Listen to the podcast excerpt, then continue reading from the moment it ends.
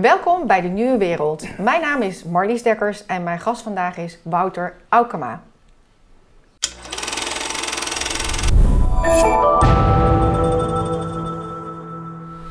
Wouter, welkom. Dankjewel en ont, uh, ja, geweldig om hier te zijn. Ik heb veel van de filmpjes gekeken, uh, dus ik, uh, ja, geweldig, dank je vriendelijk. Ja, nou ja, ik heb ook een, een, een nerd, nerde beta kant in mijn karakter zitten. En ik volg jou op Twitter met, met veel plezier.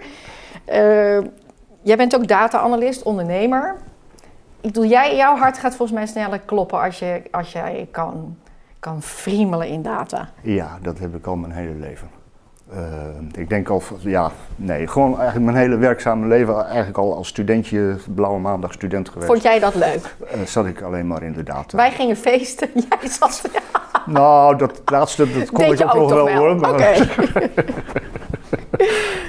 maar jij hebt ook, zover als ik de, het dan kan volgen en een beetje verstand van heb, uh, jij doet dat ook op een hele specifieke manier. Jij, jij klopt heel veel data in en dan kijk je waar zitten de uitzonderingen. Leg ik dat in een notendop goed uit? Ja, het is, uh, ik, ik, probeer het wel eens aan mensen uit te leggen dat uh, als je s'nachts gaat dromen over de data waar je mee bezig bent, dan, ja, dan zit je er wel diep in. Dat en, doe jij? En dat is wat ik doe als ik uh, zware technische uitdagingen heb. Als ik weet dat er ergens iets zit, maar ik kan het niet vinden, dan kan het maar zo zijn dat ik s'nachts wakker word naar beneden loop naar het kantoor en dan schrijf ik direct op. Ja. Niet vergeten, ik moet het zo aanpakken. Ja, ik, ik teken dan een BH. Nou, precies. dat soort gevallen. Dan word ik wakker. Maar toch heel eventjes, want ik bedoel, uh, ik heb me natuurlijk voorbereid. En ja. uh, wat ik iedere keer zie in die overzichten die jij maakt, jij klopt heel veel data in en dan kijk je wel wat is de uitzondering. Nou, je, je hebt daar een heel, vind ik, verbeeldend uh, voorbeeld van, van een Four Seasons Hotel. Waarvan ik denk, nou mag dat allemaal wel binnen de wet, maar blijkbaar mag dat. Maar jij hebt dan opdrachtgevers en die laten, die laten jou dan de hele keten doorlichten. Dat, dat klopt. Uh, vroeger in, in 2020 heb ik uh, bedrijf Trust Factory gestart samen met mijn broer Koen. En, oh, dat zit in de familie? Dat, nou, hij was meer de, de trust en ik de factory. Okay, okay. Zo, zo, zo. Um, daar uh, hebben wij ons toegespitst op het analyseren van het gedrag van computergebruikers voor multinationals en overheden in de hele wereld. Dus ik denk dat ja, 10, 20 miljoen mensen geanalyseerd heb in mijn systemen. Um, aanvankelijk... Ik blijf er heel even. Mag dit, Wouter? Nou. Ik mag als ik heb bedrijf. Ik mag heel veel niet. Ik mag niet eens nee, in de computer van een ander. Nee, en die privacy-regeltjes uh, die zijn in Duitsland nog veel strakker dan in Nederland. Dus hoe wij dat destijds hadden opgelost is door uh, alles en iedereen te anonimiseren. Waarbij het gedrag wel in beeld blijft. Maar, maar niet de, welke persoon? De, niet welke persoon, alleen de klant weet dat ik niet. Ja, okay. de, en daarmee gaan er heel veel deuren open, zelfs in, zelfs in Duitsland. Ja. ja, ja. Maar goed, je, een, een, voorbeeld van zo'n opdracht die jij dan had, hè? dus dat Four Seasons, dan krijg je van... Ja, nou dat is een, eigenlijk een hele leuke anekdote, vandaar dat ik hem ook met jou even, even deelde. Ja, en dan uh, begrijpen we een beetje wat jij doet. Ja, er was een, uh, in opdracht van, van IBM uh, deed ik een analyse bij Four Seasons. Dat is een grote, nou ja, een van de luxe, meest uh, luxe hotelchains. Hotel, resort, kom maar waar graag. alle VIP's graag in Ja, alle privacy willen, willen vertoeven op de Malediven of waar dan ook. Ja, je wordt heel erg gewend. Ehm, en in opdracht van IBM deed ik een onderzoek eh, binnen deze organisatie. En dat onderzoek werd door eh, IBM in Amerika gepresenteerd aan, eh, aan de vice president van Four Seasons. En daar kwam één plaatje naar voren waarvan men ja, binnen IBM zei, nou dit is de money slide, dit, dit does it all. En waar kwam dat nou op neer? Ik, eh, ik, ik, ik neem al die ja, 15, 16.000 medewerkers van zo'n organisatie, hun gedrag, die kan ik samenvatten in één plaatje. En Ja, maar even gedrag. Is hoe laat sta ik op? Wanneer mail ik? dat, Eh, wanneer ga ik eh, slapen? ja, hoeveel, Wie hoeveel, gebruik ik? Wie, hoeveel, op social media? hoeveel dingen doe je? Hoeveel applicaties gebruik je? Waar kijk je allemaal naar? Hoe vaak? Hoeveel? En dat, dat vat ik samen in één, in één wolkje, noem het maar even. Waarbij je, uiteraard gaat zien dat de meeste mensen zich een beetje hetzelfde gedragen. Dat wil natuurlijk niemand weten, iedereen wil uniek zijn. Maar goed, ons gedrag is, zit, valt dus binnen dat wolkje. Precies, en, en toen vroeg de vice-president van, van Four Seasons, die zag een, een exceptie, die zag iets, iets heel raars. Ja, maar jij denk ik toch ook, toch? Want dat ja, is waar ik je had uit ook al lang gezien. Dus ik had mijn opdrachtgever IBM ook al lang verteld natuurlijk. Van, jongens, denk erom, daar gaat een vraag over komen. En precies daar kwam de vraag. Wat, wie is dat? Ja, want je ziet dan zeg maar hè, dus dat wolkje en dan zie je in één keer iemand gedraagt zich heel anders dan de rest. Ja, die doet duizend keer, leest duizend keer zoveel e-mailtjes als dat een normaal mens doet. Of Nou. verstuurd. Of verstuurd. Ja. In dit geval was het met name leesgedrag wat opviel. En dus er werd gevraagd tijdens die presentatie van nou, ja, eh, wat is dat? Nou, dat, dat is een conciërge uit Bangkok. Nou, dat is heel raar, eh, uit een hotel in Bangkok. En, en wat doet hij dan? Nou, dus toen werd er even op geklikt en toen kon men precies zien wat er gebeurde. En bleek dat de beste persoon in de e-mail zat te vroeten van allemaal collega's wereldwijd. En dat leverde een, eh, een tomato face op, hè, erg rood en boos, want wat bleek er nou aan de hand te zijn? Eh, deze organisatie had eh, last van informatielekken. Ehm, je moet je daarbij voorstellen dat een VIP die wil in alle privacy naar een bepaalde resort toe. En verrek, dan is alle pers al aanwezig. Dus hoe, hè, dat is zeer schadelijk voor, voor eh, deze organisatie. Ehm, dat lek dat bleek dus hier vandaan te komen. Dus de klant blij. De klant die was helemaal, helemaal Ja. blij. Ja. En, eh, Nou, dat goed, eh, schetst een beetje zeg maar jouw, jouw vakgebied. Ja, Dan gaan we nu zeg maar even de, de, het nu in. ja. Want er zijn een paar hele mooie onderwerpen. Ehm, de co- corona-PCR-testen. Nou, dan heb je de, de, de, de Corman-Drosten papers. ja. En eh, daar gingen jouw vingers bij jeuken. Ja, dat klopt. Ik, ik kwam eh, in aanraking met eh, de retraction paper, zoals dat heet. Ehm, ik geloof 24 uit mijn hoofd. eh, kritische wetenschappers uit de hele wereld. Ja, dat zijn best wel serieuze namen. Ja, die hadden een, een, een, groot document geschreven waarin ze erg veel inhoudelijke kritiek hadden op een, de, de PCR-testen. En dan met name op, het, op de publicatie die daaraan ten grondslag ligt. Er is op 24 januari is er op Eurosurveillance een, een publicatie gepleegd door Corman, Drosten, Marion Koopmans, was daar onder andere bij, nog een aantal Nederlandse mensen. En zij hadden daar heel veel inhoudelijke kritiek op. Nu heb ik natuurlijk geen snaars verstand van die materie, dus ik kon daar niet zoveel mee. Er werd een interessante vraag gesteld en daar kon ik wel wat mee. De vraag die deze kritische wetenschappers stelden was van ja, maar hoe, hoe kan daar nou peer review zijn gepleegd als dat zo snel gegaan is? Binnen, binnen twee dagen geloof ik dat ze zeiden. 48 uur, ja. En daar, ja, daar stelden ze een vraag over. En ik denk, nou, met die vraag kan ik wel wat. Daar kan je weer een wolkje van maken. Daar, kan ik, daar, daar zie ik kansen. ja. Dus ehm, ik heb van de afgelopen vijf jaren heb ik alle artikelen van Eurosurveillance, het Europese wetenschappelijke journal, heb ik gedownload. Dan heb je 5000 artikelen, daar ga ik de meta-informatie van analyseren. Dus wanneer is het document aangeleverd, door wie is het geschreven, wanneer is het geaccepteerd door het journal, wanneer, hoe lang heeft die peer review geduurd. En dan wil je eigenlijk aanwijzen of kijken van... is die kritiek die ze hadden van 48 uur... komt misschien heel vaak voor. En is het Nou, helemaal inderdaad. niet raar. Als of dat- als is dat, dat- wel heel eh, uitzonderlijk? Nou, en daar ging het mij om. ehm, als die vraag valide is, dan zal moeten blijken dat dit uitzonderlijk is. Dus ik ga alles eh, weer, eigenlijk net als dat voorzieningsverhaal, ga ik in een bubbelplot zetten. Ik maak er een wolkje van, van, goh, hoe gaat dat normaal eigenlijk? Wat is normaal? En dan blijkt dat eh, de gemiddelde peer review tijd van een artikel op Eurosurveillance is een half jaar. 180 dagen. Dat is in 2020 wel wat sneller gegaan. Maar uh, dat is geen 24 uur. 48 dat, uur, ja. Of 48 uur, dat is absurd. Dus ik heb daar een plaatje van gemaakt. En uh, buiten het feit dat het voor mij de, de vraag was beantwoord, van nou, ik, dit is dus een terechte vraag, uh, heb ik het plaatje ook maar even op Twitter geknald. Dat en gaf nogal wat Dat gaf uh, nogal reuring. wat reuring, ja.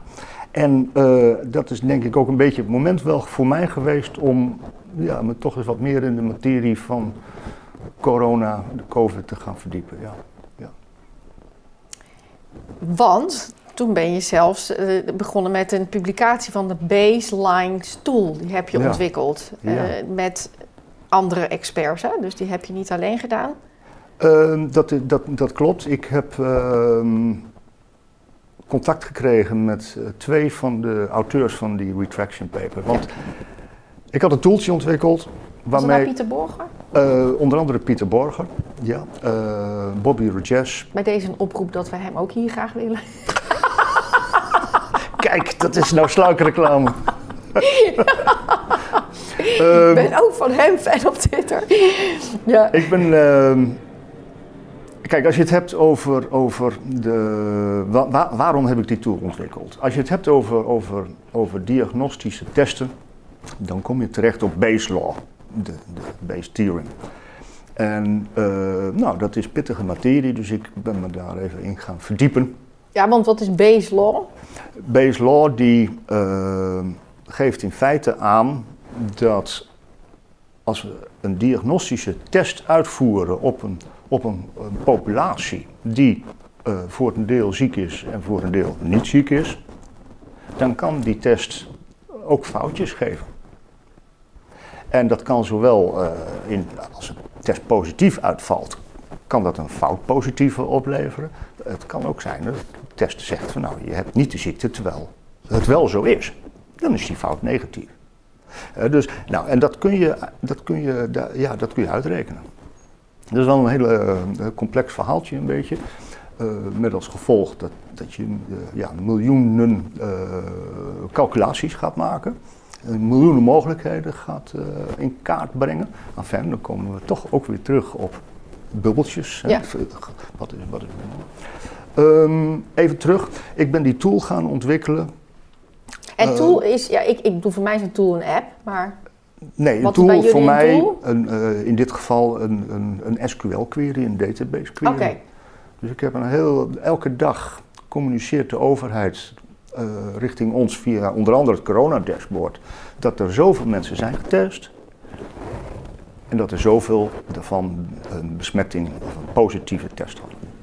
Dat is wat de overheid ons dagelijks zegt. En dan gooi je dat in. Dat gooi ik in mijn tool en die gaat alle mogelijkheden uitrekenen voor wat betreft terecht positief, fout positief, terecht negatief, fout negatief. Gegeven alle mogelijkheden van prevalentie, hoeveel mensen zijn er ziek en niet, en gegeven de kwaliteit van die test. Die kwaliteit die wordt uitgedrukt in sensitiviteit, gevoeligheid en specificiteit. Hè? Hoe accuraat kan die onderscheid maken. Ehm, die tool heb ik, eh, heb ik ontwikkeld. Dat ben ik eh, met, met uiteindelijk dan zeven eh, wetenschappers hebben we daar een publicatie van gepleegd. Hoe lang ben je daar dan mee bezig met zo'n tool maken? Dat lijkt me heel wat nachten wakker worden. Ik, eh, ja, ehm, ik, ik overdrijf niet 18 uur per dag, 7 dagen in de week. Ja, dat is natuurlijk een mega rekenwerk eh, wat erachter moet hangen. Ja, en, en eh, nou, het, is, het gaat ook niet in één keer goed. Het is heel interessant, de eerste versie van de tool die ik had ontwikkeld, daar was een, ik meen een actuaris uit Oostenrijk die eh, echt ontzettend zijn best heeft gedaan om mij op een foutje te wijzen. Maar dat is, dat is wat we leuk vinden, Dat is toch? wetenschap. Ja, Ja, en dat dus is ook peer review. Dus dat is ook wat je, wat je moet willen. Hè, dus, dus dat heeft eh, geleid tot een tweede versie en die, eh, ja, daar is het nog niemand gelukt om daar een gaatje in te prikken, om het zo maar te zeggen. Ja. Want in welke fase zitten jullie met deze... Want één iemand heeft er dus een gaatje ingeslagen, maar Ja, dus hè, ehm, dat, dat heeft eh, geresulteerd in, in, een tweede versie. Nou, die, die, uh, die is, uh, daar is nog niemand in gelukt om dat, daar een gaatje in te prikken, zeg maar. Wij hebben ehm, op F1000 Research hebben wij de publicatie gesubmit. Ehm, daar is één peer review zijn we verder. Dat is allemaal geaccepteerd. Uh, en wij zitten met smart te wachten op uh, de tweede peer review. Maar wat komt er, wat komt er dan uit? Dus hoeveel uh, echt positief, positief, en je hebt het ook, nou, kijk, dat is, dan uit de tool? Ja, dat is eigenlijk heel, heel, heel interessant. Wanneer je de tool gaat loslaten op, op flu-testen of tuberculose, want het is voor het is voor elk soort van diagnostische test is, is, uh, is mijn toeltje wel, wel inzetbaar. Um, nou, dan krijg je ja, over het algemeen wel goede bevestiging van, van de resultaten zoals de, de, men die ook publiceert. Um, wanneer ik die tool ga loslaten op de Nederlandse coronadata, dan blijken er hele interessante dingen te gebeuren. Um, ik heb daar een, een, een, plaatje van meegenomen. Om, om het toch even een klein beetje te visualiseren. Um, de vraag is, wat, of, of, of het probleem, dat is de vraag. Hè, kom, kom je dat tegen in de fout negatieven? Want als dat zo zou zijn, dat zou betekenen dat er heel veel mensen rondlopen in de veronderstelling dat ze geen COVID hebben, terwijl ze dat wel hebben. Dat zie je met name bij antigeentesten nogal, bij zelftesten, ja. uh, die maar 80% sensitief zijn. Um, met mijn tool, als ik ga kijken naar de overheidsrapportage en ik, ik visualiseer, de, eigenlijk weer net als helemaal in het begin van ons gesprek, ik visualiseer alle mogelijkheden die er plaatsvinden. En dan, nou, dan kunnen we eens even door de tijd gaan lopen ja. en elke dag rapporteert het corona-dashboard, onze overheid tegen ons, nou, er zijn zoveel testen gedaan en zoveel daarvan waren positief. Dus percentage positieve testen, een belangrijk stuurcijfer, die wordt ons elke dag gemeld. En die kan ik dus elke dag, middels deze zwarte lijn, kan ik die plotten. Nou, dat is een plaatje, als je naar de corona-dashboard gaat, zie je precies hetzelfde. Ja. Um, hier ga ik even tot februari, maar dat maakt even verder niet zoveel uit alle puntjes. Het lijken haast groene lijnen, maar het zijn honderdduizenden puntjes. En wat is een puntje? Een puntje is een mogelijkheid binnen die base law. Oh, van je valt zo uit, zo uit, zo uit en zo uit. Terechte positieven. Dus alle foutpositieven, die laten we achterwege. Ik wil kijken naar wat is er nou echt terecht positief. Ja, want je hebt zes mogelijkheden, toch, uiteindelijk? Ja, er zijn, uh, nou, het kwadrant bestaat uit fout positief, goed positief, fout negatief, goed negatief. De dat, vier? Dat zijn er vier. Maar in de variabelen heb je te maken met hoeveel mensen hebben nou eigenlijk de ziekte, dat is de prevalentie. En je hebt te maken met de kwaliteit van die test. Sensitiviteit, ja. specificiteit. Dus ik heb daar even een dynamisch plaatje van gemaakt, een dashboard zoals het heet.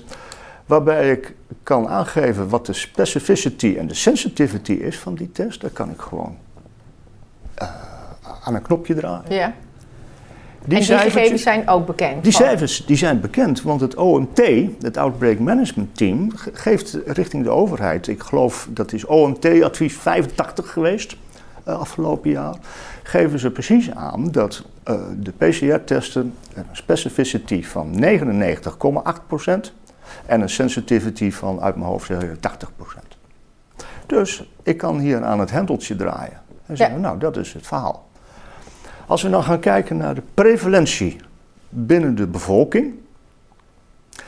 Het is heel interessant dat uh, ook weer in dat OMT-advies nummertje 85 uh, gemeld werd wat de prevalentie was. Namelijk, uh, ik zeg het even uit mijn hoofd, 2% in juni vorig jaar en iets van 5% in oktober vorig jaar. Dus ik kan hier aan mijn hendeltje gaan trekken en zeggen, nou zet die maar op 5%. En als ik dat dan dus doe, zal ik dat even voordoen. Uh, ja. Even kijken, prevalentie, dat is dan 5%. Wat er dan gaat gebeuren, is dat er heel veel mogelijkheden wegvallen. De overheid die heeft ons dagelijks dit gerapporteerd. En waar ik nu naar kijk, kijk nogmaals, ik ben geen wiskundige. ik kijk dus nu naar mensen die dan dus positief zijn getest en het ook echt hebben. Terecht positief. Ja. Dus alles wat is weggevallen, dat zijn fout positieven. En daarmee toon ik dus aan dat een verreweg het merendeel van alle besmettingen waar, die we dagelijks te horen krijgen, in feite geen besmettingen zijn, maar fout positieve uitkomsten van een diagnostische test. Maar dat heet toch nu asymptomatisch, wordt dan gezegd. Maar ja, je hebt geen klachten, dus je bent... Nou, dat is, dat is leuk dat je dat zegt, omdat in oktober vorig jaar is men begonnen met het asymptomatisch testen. Dus ook al heb je geen snotneus of last van je keel, dan toch kun je naar de, naar de GGD en je laten testen. Wat ook heel veel mensen deden. Want als je kijkt naar de hoeveelheid testen die werden uitgevoerd, nou dat explodeerde. En daarmee is het ook mogelijk om te kijken naar de algehele prevalentie binnen de bevolking. Als je nou teruggaat naar de eerste golf begin vorig jaar, dan moet je waken dat je daar niet de algemene prevalentie neemt, omdat mensen zich alleen maar lieten testen in het ziekenhuis. Als ze echt klachten hadden. Nou, ze gingen het ziekenhuis in. Ja. En dat doe je niet voor je lol. Nee, dus dan lig je al dan in is een andere al, dus fase. Dus daar was de prevalentie echt wel richting de 30 procent. Ja. Ja, dus jij zegt ook juist zeg maar door een beetje probeert in mijn eigen simpelheid, maar als je dus veel doet, dan verwatert het dus ook zeg maar. Dus dan, dan ja, als je... Want je test gezonde mensen zonder klachten. Dus de kans dat je dan meer fout positieve hebt, is hoger. Ja, die, uh, die, en dat is wel interessant, omdat de Wereldgezondheidsorganisatie ook op een gegeven moment een waarschuwing heeft afgegeven. Een, uh, zij, noemden dat een product alert, uh, waarbij ze ja, dit, dit vermoeden eigenlijk Hadden. ook bevestigen. Um, en dat is ook een, inherent een beetje aan de, aan de base uh, law. Dat zodra de prevalentie zakt beneden de 50%, of beneden de 5%, dan exploderen de foutpositieven. Ja. Maar als je dit vergelijkt, stel voor dat we dit zouden doen bij de griep. En dat we bij iedereen zouden testen zonder, zonder dat je gezondheidsklachten hebt. Dan, zakt die prevalentie dus ook. Ja, en dan ga je dus krijgen dat heel veel mensen zouden worden aangemerkt als, uh, nou, je hebt griep, terwijl je niet, terwijl je niet ziek bent. Ja, ja dat ga je dan nou, krijgen. Helder verhaal. Maar en andersom, hè, wat jij net zei van mensen die dus denken dat ze het niet hebben en wel hebben. Ja, als je, ehm, de, de overheid uh, die heeft uh, ons aangeboden dat we allemaal uh, twee zelftestjes mochten bestellen. Ja. Ik heb ze ook besteld. En dan ben ik natuurlijk geïnteresseerd in de, in de specifics van, van die test. Wat je daar ziet is ook een duidelijke waarschuwing op de verpakking. En dat vind ik wel goed dat ze dat gedaan hebben.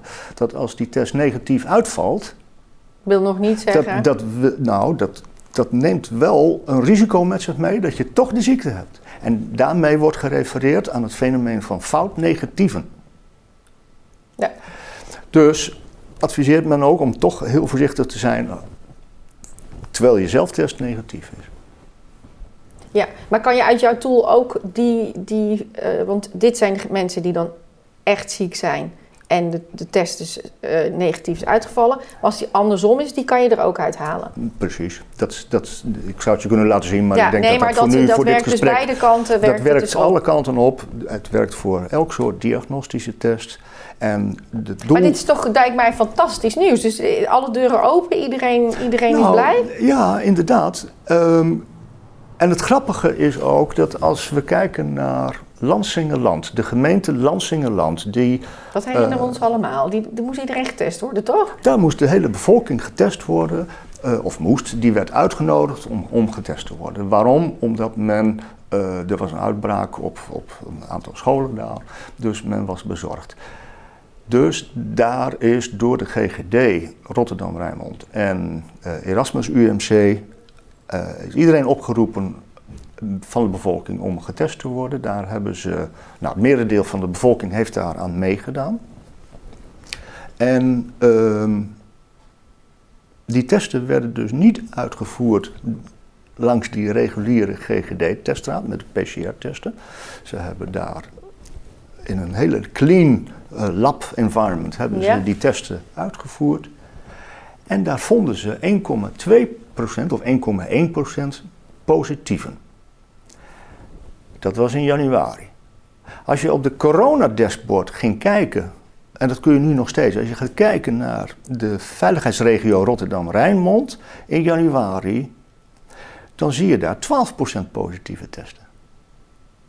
En dat verschil van die 12% positieven die je dus bij de GGD ziet en de 1,1% binnen dat bevolkingsonderzoek, dat zijn de 90% fout positieven die mijn tool vindt. En dat, dat is dus een heel interessant bewijs. Wat, uh, Daar nou, werd het bevestigd. Wat, wat, ik cadeau heb gekregen in feite. Ja.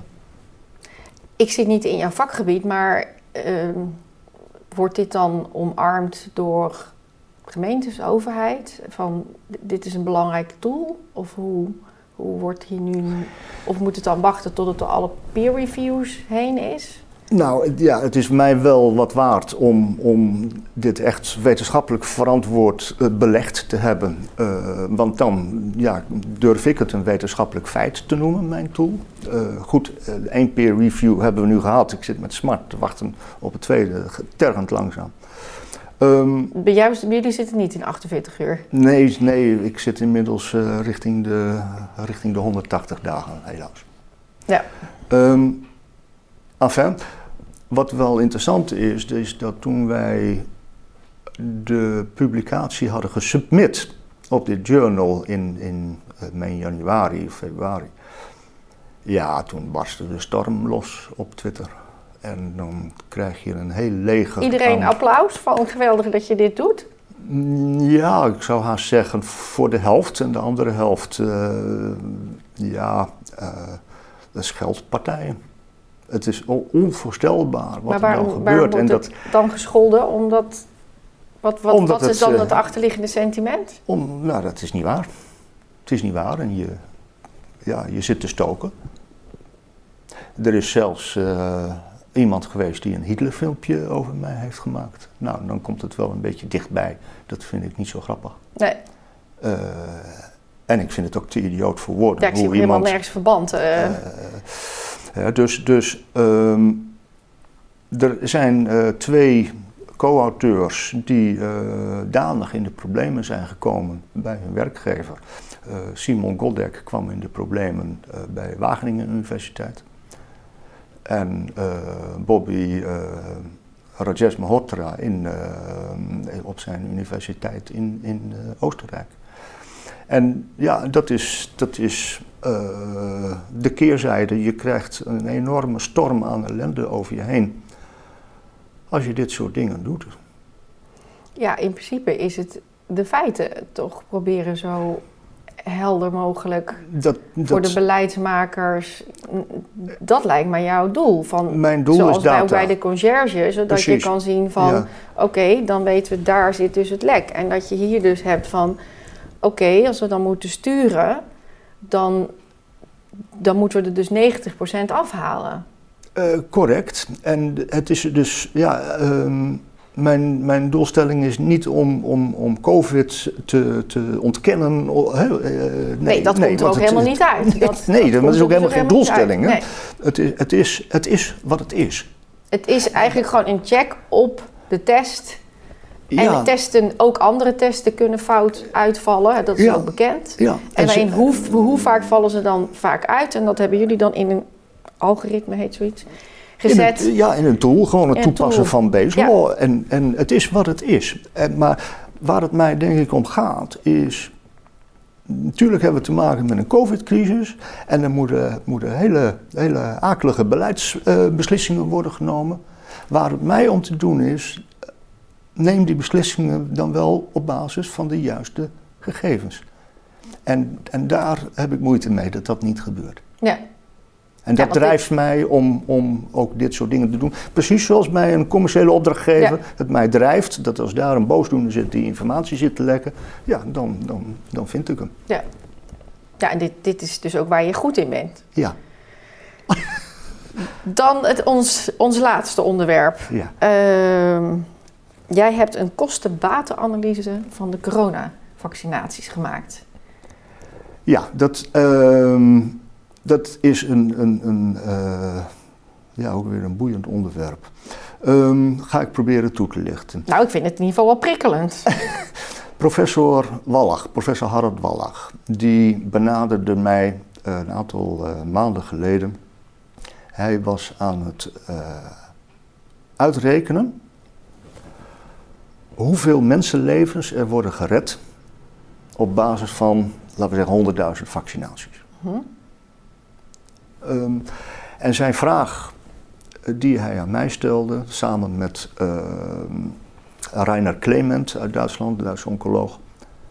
Uh, omdat ik nogal met, met, data bezig was en ik was ook bezig met de bijwerkingen data in, in de Europese medicijnautoriteiten, LAREP en Amerika. Ook weer veel data. Zijn vraag aan mij was: kun jij uh, analyseren uh, hoeveel rapportages er zijn met dodelijke bijwerkingen. Dus dan krijg je aan de ene kant het levensreddende uh, spectrum van, van de vaccinaties. En aan de andere kant bijwerkingen, de fatale bijwerkingen. Maar die zijn toch nog niet zo bekend, of wel? Of die haal je dan uit LAREP? Die, uh, nou, ik heb daartoe uh, binnen de EMA geanalyseerd, omdat alle EU-lidstaten zijn verplicht om bijwerkingen aan te leveren aan de, aan de EMA. Oké, dus ieder land heeft zeg maar een LAREP achter Dat zijn allemaal LAREPjes. En dan gaat het naar de EMA. En die moeten dat aanleveren aan de, aan de EMA. En de EMA heeft daar een, een, een database voor, genaamd Uitdra Vigilance. En die analyseer ik, want ik, ik heb uh, die data bemachtigd. Dat gaat niet makkelijk, maar ik heb een achterdeurtje gevonden waardoor ik alles eruit kon zuigen. En daar waren ze ook mee eens? Of dat... dat interesseert me niet. Als ik erbij kom. Op zoek naar de conciërge. Ik, ja. Precies, precies. Nou, ik wil gewoon die data. En uh, dat betekent niet dat ik, dat ik uh, aan het hacken ben of, of uh, illegale dingen doe. Nee, okay, is, het is een achterdeurtje. Ja, en, maar verder is het legaal. Dat is helemaal legaal wat ik doe. Um, dus ik heb al die rapportages uh, voor zover EMA dat publiceert. Want ze anonimiseren dat, uh, ze halen het land eraf. Ik kan niet zien welk land dat gedaan heeft. En dat analyseer ik. En in die analyse bij de EMA viel mij op dat Nederland absurd veel meer bijwerkingen kent, heeft geregistreerd staan dan andere EU-lidstaten. En dat vind ik raar, want Nederland is in, in, verhouding maar een klein landje. Als je dat vergelijkt met Duitsland, Frankrijk, Spanje, aantal inwoners. Oh, het was niet op percentage, het was op absoluut uh, getal. Ja, en dus dan ga ik eens kijken van, oké, dus, nou, zeg maar, in, de, Europa, in de uh, Vigilance zie ik, in de EMA zie ik 20.000 bijwerkingen bij, vanuit LAREP voor Pfizer. Ga ik even bij LAREP kijken. Hé, maar dat klopt wel redelijk. Sluit dat op elkaar aan, die getalletjes. Dan ga ik kijken hoeveel heeft Duitsland gemeld. Oh, nou, heel weinig. Dat, dat matcht niet, dat past niet in mijn beeld. Ga ik kijken in het Pieter Ehrlich Instituut, de Duitse LAREP. Ja, dat sluit totaal niet aan. Maar misschien melden wij als Nederlanders heel actief. Nou, of wij zijn hypochondrisch, dat zou natuurlijk ook kunnen, wat mij sterk lijkt. Um, ja, dat zou mogelijk zijn, maar het wordt wat onmogelijk wanneer alle EU-lidstaten, behalve Nederland, gewoon ja, absurd weinig lijken aan te leveren.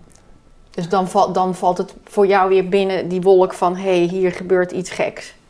Ja, terwijl mijn doelstelling is om fatale bijwerkingen te vinden, moet ik concluderen, constateer ik binnen de EMA, dat eigenlijk alleen Nederlandse LAREP zich houdt aan de EU-regels en alle andere landen niet.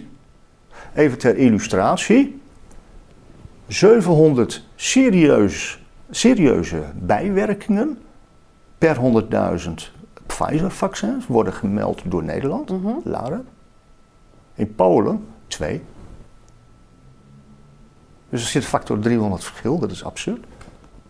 Duitsland eh, werden 35 gemeld, zit factor 22 verschil zit er tussen.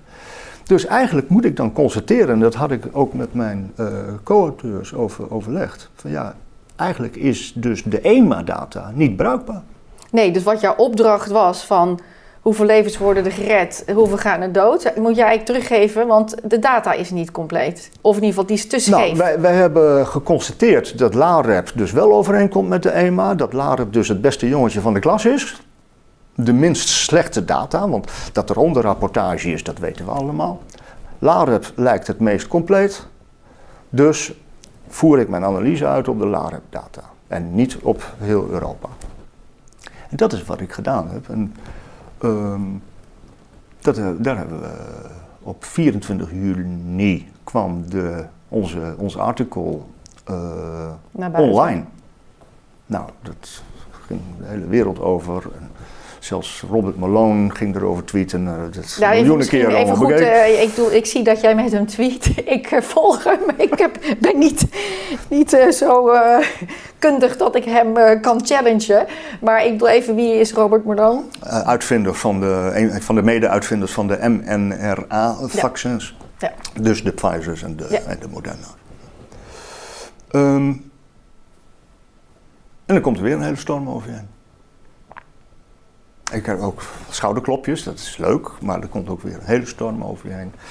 En ehm, ja, dat ging deze keer eh zo ver dat eh, we eigenlijk twee wereldrecords hebben gebroken met dat artikel. Eén wereldrecord is dat wij, geloof ik, het meest eh, gelezen wetenschappelijke artikel zijn ter wereld. Nou, dat is leuk. Gefeliciteerd. Dat is fantastisch. Ik kan er heel trots op zijn. Het tweede wereldrecord ben ik iets minder trots op. We zijn het snelst teruggetrokken artikel ter wereld.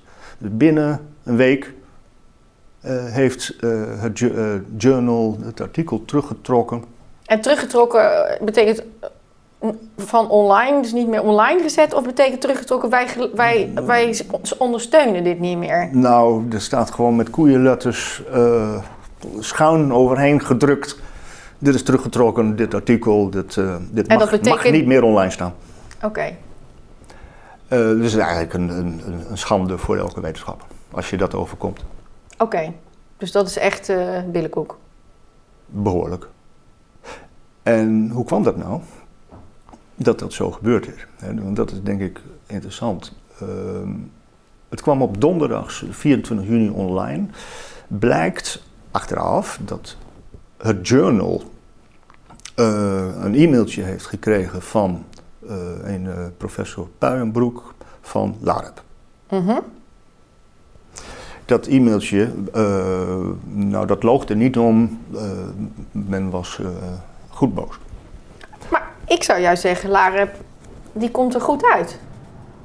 Want die heeft zijn data gewoon goed op orde. Nee, ja, ja, nou dat heb ik daar niet in teruggelezen. Eh, wat ik wel erin heb teruggelezen is dat wij die data nooit hadden mogen gebruiken.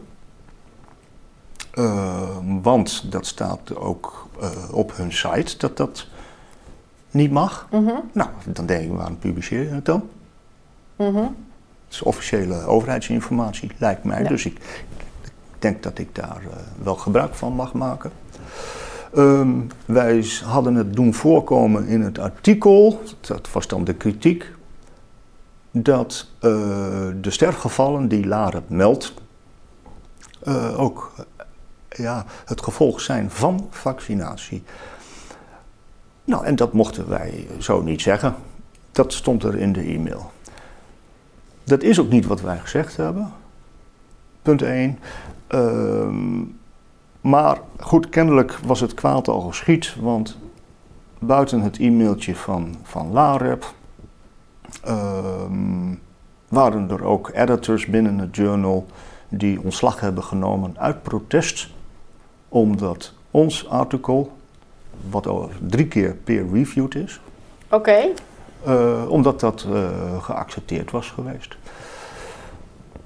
Was, was de conclusie zo explosief dan? Want ik bedoel, eh, hoeveel levens gered en hoeveel dood? Dus ja, die balans die... die, die gaat die dan dusdanig scheef? Dat ja, die, balans is niet goed. Die balans is niet goed. En ik ga, ik ga dat denk ik maar even niet uitspreken om... om uh, ja, dan moeten mensen het zelf maar even lezen. Ja, want het is uh, weer terug...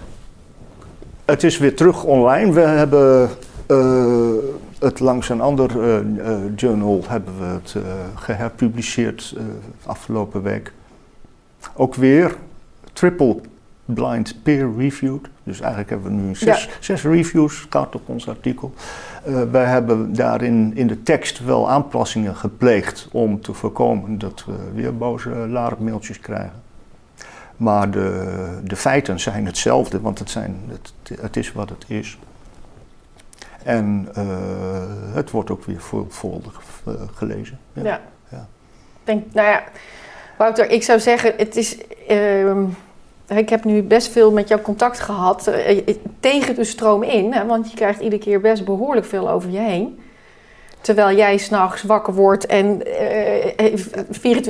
ermee bezig is, om proberen deze discussie juist zo feitelijk mogelijk te krijgen. Ja, en, juist heel constructief hè? ben je juist van ontdaan van de emotie, zodat je feiten kan aanleveren waarop beleid uh, gemaakt nou, Dat vind ik heel fijn dat je dat zegt, want uh, kijk, ik, ik, ben niet een of andere nasty fact-checker die overal tegenaan zit te zeuren. Het, uh, het zou jammer zijn als, als die indruk wordt gewekt. Uh, waar het mij om gaat, ook ten aanzien van vaccinaties. Ehm, het is uitstekend dat er levens worden gered, dat er mensen uh, niet op de IC terechtkomen door die vaccinaties. Helemaal geweldig. Maar ik vind, als ik uh, niet mag praten over de, de kostenkant van die vaccinatie, en de kostenkant, daarmee bedoel ik bijwerkingen, daarmee bedoel ik dodelijke bijwerkingen. Als daar totaal niet naar mag worden gekeken, door mij, door andere uh, wetenschappers, ja, dan snap ik het even niet. Want. Ja, dan zijn we niet meer met wetenschap bezig, toch? Dan zijn we niet meer met. Uh, dus daar gaat het de algehele gezondheid bezig. Daar een balans in te, te, vinden. Ik denk dat dat met ons artikel uh, gelukt is. Dat het ons gelukt is om daar een discussie over los te weken. Enfin, dat heeft nogal wat stof doen opwaaien. Ik hoop dat, dat er anderen zijn die, dat, die daar ook mee bezig gaan. Uh, maar uh, precies waar het mij om gaat is, kijk naar de feiten. Constructief? Const, constructief. Niet, niet om iets ehm, anders af te breken, maar nee, om juist jouw bijdrage met de kennis die je hebt. Klopt dus uh, hier, hier ja, helderheid in te, in te scheppen. Ja, ja. Nou ja, ik zou zeggen dank daarvoor, Wouter. Dank je wel voor het gesprek.